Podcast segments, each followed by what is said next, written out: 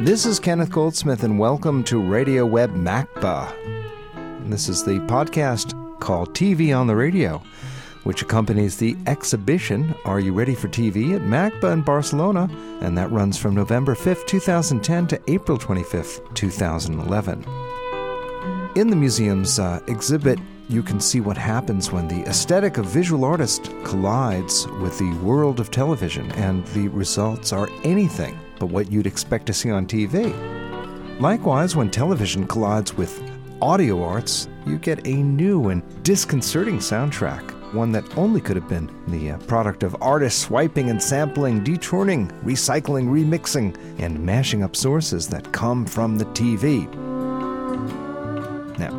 There's a great history of audio works mashed up, inspired by, and taken from TV, and we're going to be listening to 10 of them here. Unlike the works in the exhibition in the museum, these more ephemeral gestures make their way around the world very differently. They often reinsert themselves back into mass culture by means of mechanical reproduction. The CD, the LP, the internet meme, and these works live on and on, unlike a museum exhibition, which has a uh, start date and an end date, and they spread widely and very thinly across culture. In many cases, this type of distribution is impacted back upon pop culture itself. And so what you get is a historical echo chamber.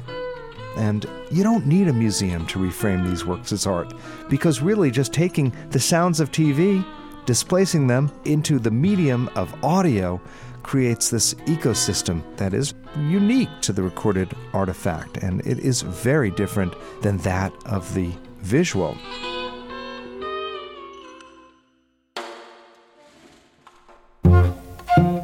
From the time that television infiltrated mainstream American culture, artists were quick to critique its hypnotic effect. In 1957, the advertising man turned spoken word artist Ken Nordine recorded The Vidiot as part of his great word jazz LP. Tonight, I have a friend with me here who is hooked on TV.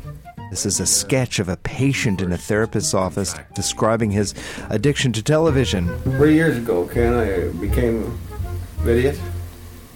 Vidiot? Is this a term that uh, I don't understand too much about being. Well, that's what we people call ourselves.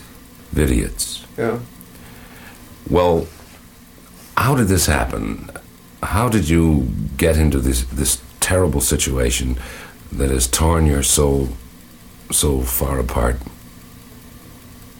Oh, it was when I started watching uh, Milton Berle.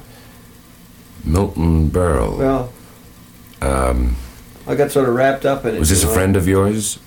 No, he's he's a fellow that's on television. Oh, I see. And uh, after the patient leaves the office, See you later, Ken. the therapist, uh, who was really stressed out after uh, such a session himself, One of the many turns on the TV to face. relax, enacting the contradiction that many still feel Wait a the minute, uh, pull I think between I'll- the pleasure and entertainment of television oh Gosh. and its obvious It's beautiful. addictive qualities. It's in black and white.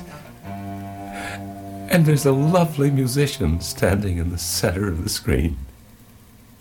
He's got a guitar. And he's got. He's all hair.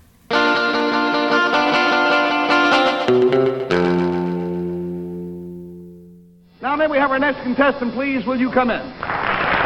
In 1960, John Cage made a television appearance on the popular U.S. game show I've Got a Secret. My name is John Cage. where, in the guise of winning a contest, he sneaked in a performance of avant garde music, which was broadcast to millions around the U.S., giving his music really his first widespread exposure. Now, Mr. Cage, if you'll whisper your secret to me, we'll show it to those folks out there, huh? Now, uh, in the clip, Cage appears in a suit and tie, and uh, his secret is that he's going to perform one of his musical compositions using a variety of unconventional instruments, including a water pitcher, an iron pipe, a goose call, a bottle of wine, an electric mixer, a whistle, a watering can, ice cubes, two cymbals, a mechanical fish, whatever a mechanical fish is, a quail call, a rubber duck, a tape recorder, a vase of roses, a seltzer siphon, I don't know what that is either. Five radios, a bathtub, and a uh, grand piano.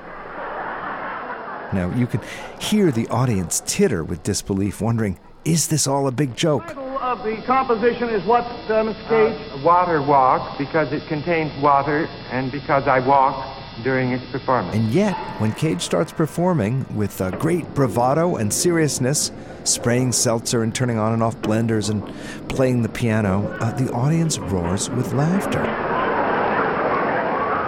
And in this covert action, Cage brings sound to television in ways that could never have been imagined up to this point.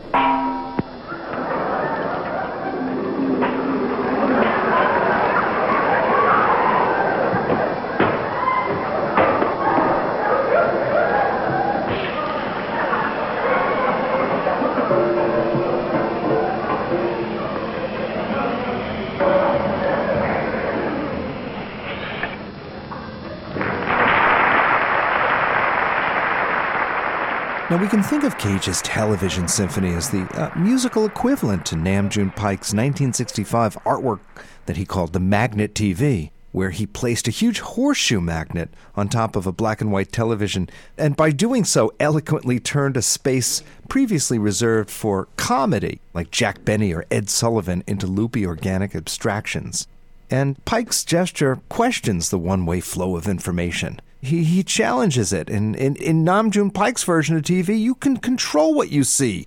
Spin the magnet and the image changes with it. Now, up to that point, and even today, television's mission was a delivery vehicle for entertainment and crystal clear communication. And yet, this simple artist gesture upended television in ways that both users and producers were unaware of Paik opened up new vocabularies for the medium while at the same time making some pretty powerful points. He deconstructed myths of power and politics and distribution, which of course were embedded into the technology, but nobody could see them. Now, Paik's forays into sound are well documented with dozens of hours of musical compositions that were released on LPs during his lifetime. One of the most famous collaborations he ever did was with the avant garde cellist Charlotte Moorman. No, I don't think George Orwell would ever have envisioned such a thing as a TV cello. Tell me about it. Well, Nam June Paik did. It's nothing more than three television sets made into a, a cello. What we're listening to is a, a, clip from Nam June Paik's 1984 global television experiment called Good Morning, Mr. Orwell, an idea of international television. And you'll hear uh, somebody interviewing Charlotte Moorman, and that is, of course, none other than George Plimpton. May I, can I play this thing? Yes, you can. Let's make a little duet here. Do I play the top or the bottom? Do both. Moorman got very famous in 1967 when she was arrested by two policemen during a performance of Paik's piece called Opera Sextronique. Uh, she was performing nude, as uh, Paik had dictated in the score, and she was performing nude before an audience of 200 guests. And uh, although Paik was uh, released from custody, he wasn't charged. Charlotte Moorman was tried and convicted for partial nudity. Later, the sentence was suspended. Well, now, can you get uh, can you get Paris on this thing? Of course, we can get Paris. Absolutely. Now, her TV cello was comprised of three plastic TV sets stacked on top of one another with strings attached to this uh, clear plastic neck. Uh, you should Google an image of her TV. It's absolutely gorgeous. And the TVs, they weren't great resonators, you know, the way that, say, wood is. So uh, musically, she used the TV cello more as a percussive instrument than a conventional cello, slapping and banging the bow to create dull thuds and slaps, while images and sounds, often appropriated from the television, played on the monitors. So it was a great fusing of sound, image, and performance.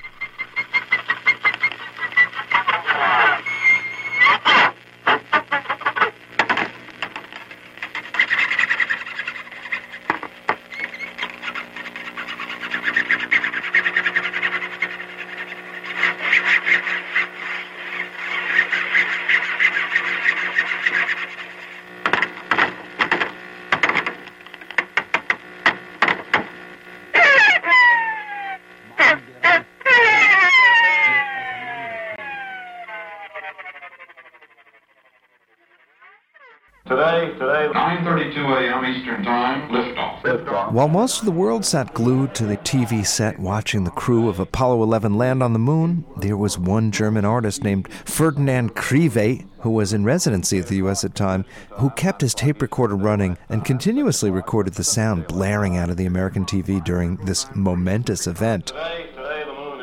From hours and hours of raw material, he stitched together a collage of thousands of newscasters' voices, media snippets, song samples, and advertisements into a 20 minute Hörspiel that he called Apollovision, released in 1969. The Apollo 11 astronauts and what Mrs. fine Nixon. men, and what Mrs. brilliant Ellen examples to young. America.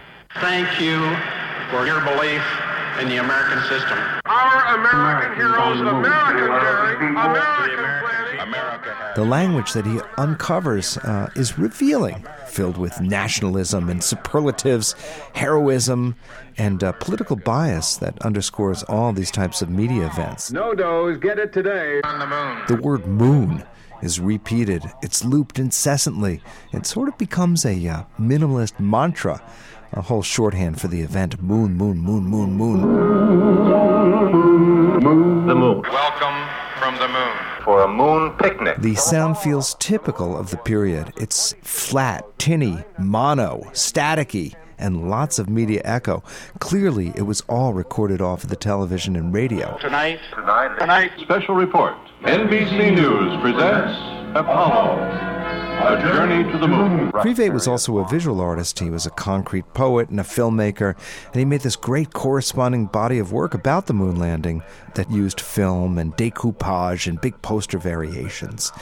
Uh, this is Ferdinand Kriwet's Apollo Vision from 1969. For 50,000 years, We have learned to fly like birds, swim like a fish, even reach the moon. For all mankind. Rest of mankind. To all mankind. How do you feel about the fact that we got there ahead of the Russians? All mankind. In mankind, all mankind. To all mankind. Mankind has made a giant leap. Giant leap for mankind. Nine, nine, nine, nine, nine, nine. Using an almost identical approach as Kriwet is the American sound artist named Donald Swearingen. It's so easy, even a child can do it. It's fast, it's easy, and it's fun. Instant results. Swearingen strings together snippets of late night television commercials known as uh, infomercials, broadcast in the middle of the night for hours on end. And he seams this all into a 20 minute audio nightmare. People across the nation are reporting amazing success, and it's especially easy today. He takes advertising pitches and cuts them in with ambiguous statements. Ask what you want becomes Ask what you decide you don't want. Swearingen writes about this pretty eloquently. He says, quote, The piece was created in 1990, but the sounds it makes sounds like it could have been made yesterday because it's all made with material taken directly from real television broadcasts. No fabrications, no substitutes, going directly to the heart of late night TV's message, eliminating the dead air time and condensing the feverish text to its essence. Unquote. Anything you want, you'll find it here sex, money, self esteem, God, a thin body, a full head of hair, property, beauty, an exciting lifestyle. Just call 1 800 and it's yours. This is Donald Swearingen. Salvation at 1 a.m. I had no idea what I was missing out on. I had really dark stains on the bottom of my teeth. Other methods took away the hair. No hair. Correct myself, correct my, correct myself, correct my self-image, correct my self-image. I'm not the smartest guy in the world. The next one down there is no personal rejection. Self-doubt never get you anywhere. Negative people, most of them are broke. Correct myself, correct my, correct myself,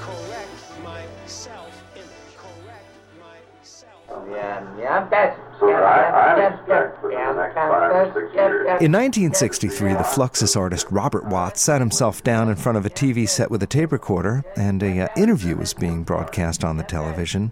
And instead of the interviewer interviewing the very famous interviewee on the television set, Robert Watts decided that the questions would be asked at him. Now, instead of giving a lucid answer to uh, some very lucid questions, Watts, in the great manner of Fluxus, just started making some random sounds blah, blah, blah, blah, blah, blah, blah, thereby uh, muddying television's clear and transparent message. It's a uh, gorgeous reversal of TV's one way downstream method of communication and not so different than Nam June Paik's détournement of television. Although Watts sounds like a madman speaking to his TV, his critique of the limits of the medium are right on.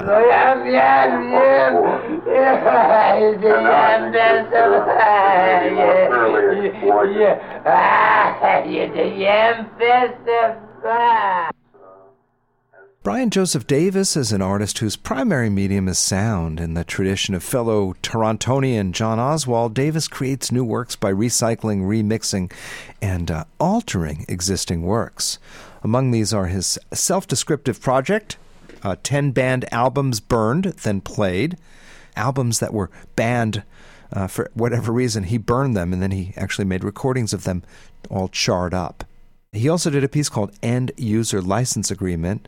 It's a uh, anti-copyright piece, and he, he gets a chorus of classically trained singers to actually sing the End User License Copyright Agreement as if it was a Gregorian chant. And uh, one of my favorite pieces that Brian did is called Greatest Hit, in which all of the tracks on any given Greatest Hits record, say the Eagles' Greatest Hits, are played all on top of each other at the same time, crunched down into one single, self canceling, chaotic track. it's unlistenable. And uh, one of my favorite pieces, well, they're all my favorite, but uh, he did a great piece called Yesterday.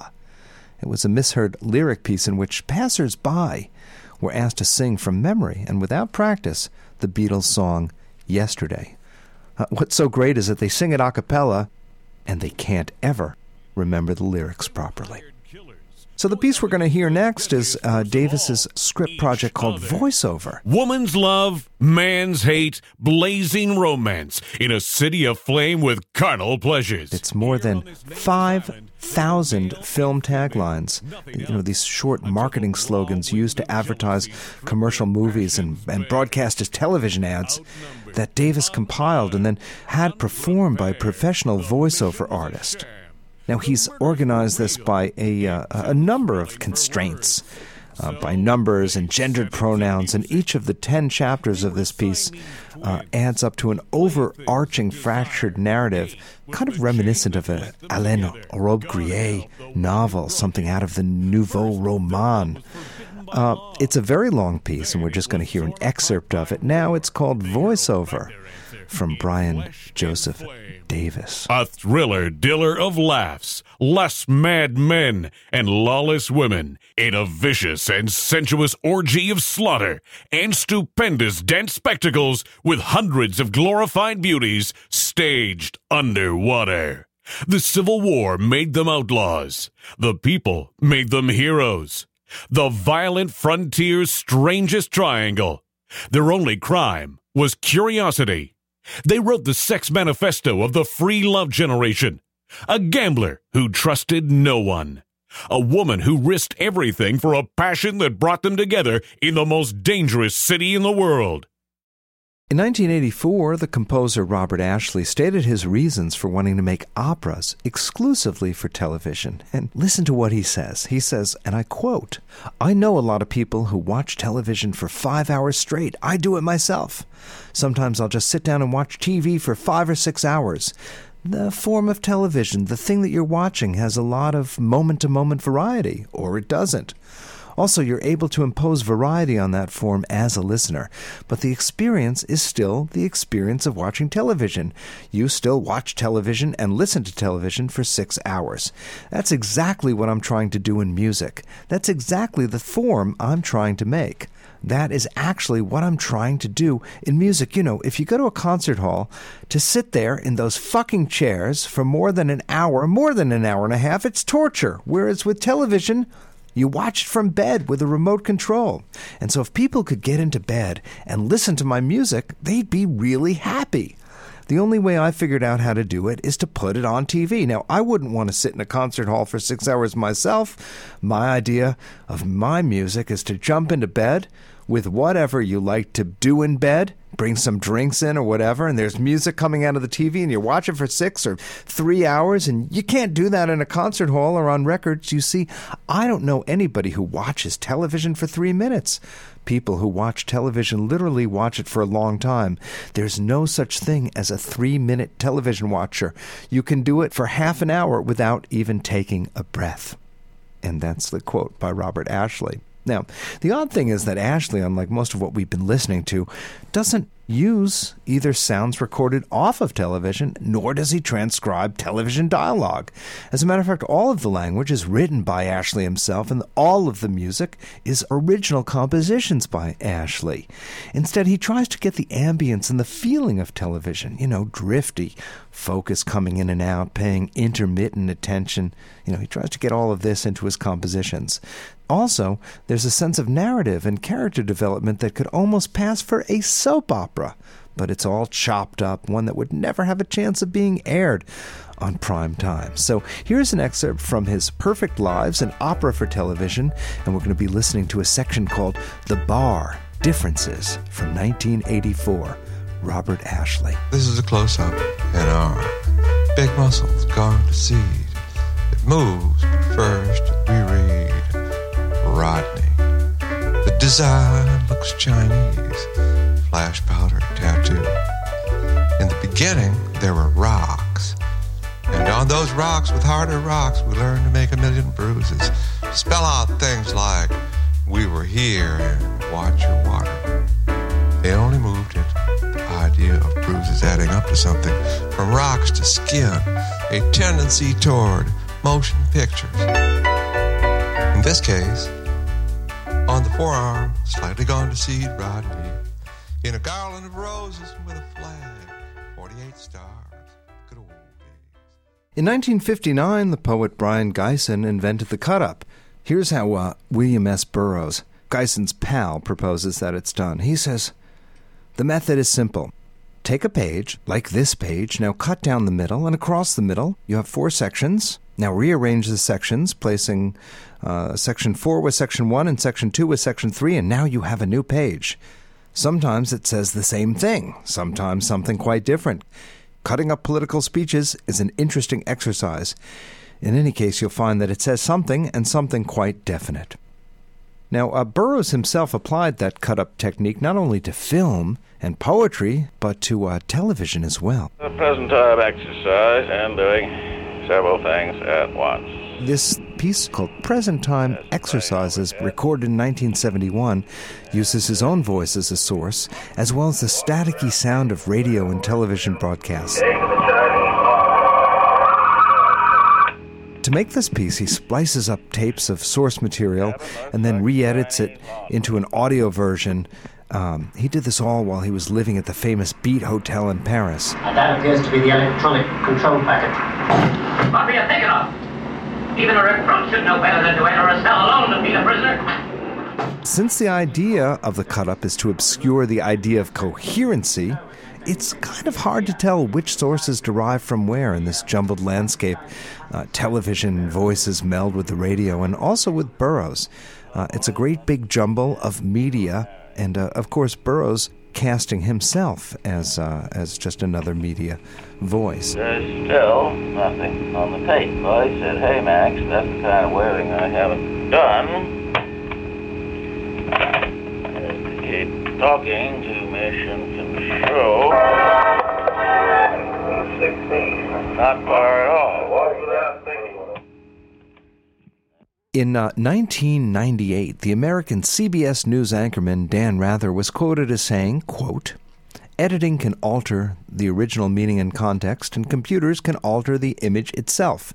The camera can also be manipulated. At very least, it must be turned in one direction, only one direction at a time.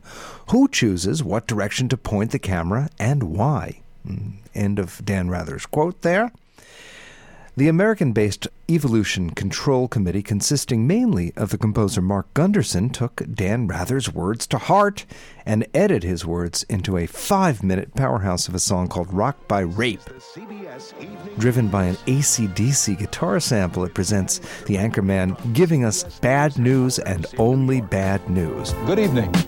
Danger, war, killer, fraud, CIA, mayhem, crisis, horrible, inflation, military threat, the flaming debris, fatal heart attack, stress injuries, prison disaster, economic collapse, dangerous radiation, a tide of violence and human misery, a liar, and an unremorseful killer.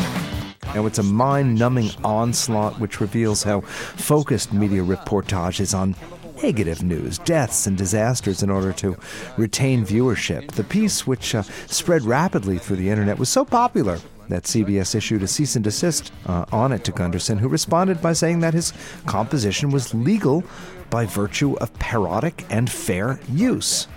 There was a great outpouring of public support for Gunderson's position and the rights for artists to sample freely under the law. CBS ended up dropping the charges, resulting in a uh, great victory for free culture. Rocked, rocked, rocked by rape, rocked, rocked, rocked by rape, rocked, rocked, rocked by rape, sex, drugs, and rocked by rape. Bug out, bug out, bug out, bug, bug. And that's part of our world tonight. For the CBS EV News, Dan Rather reporting. Good night and have a great weekend.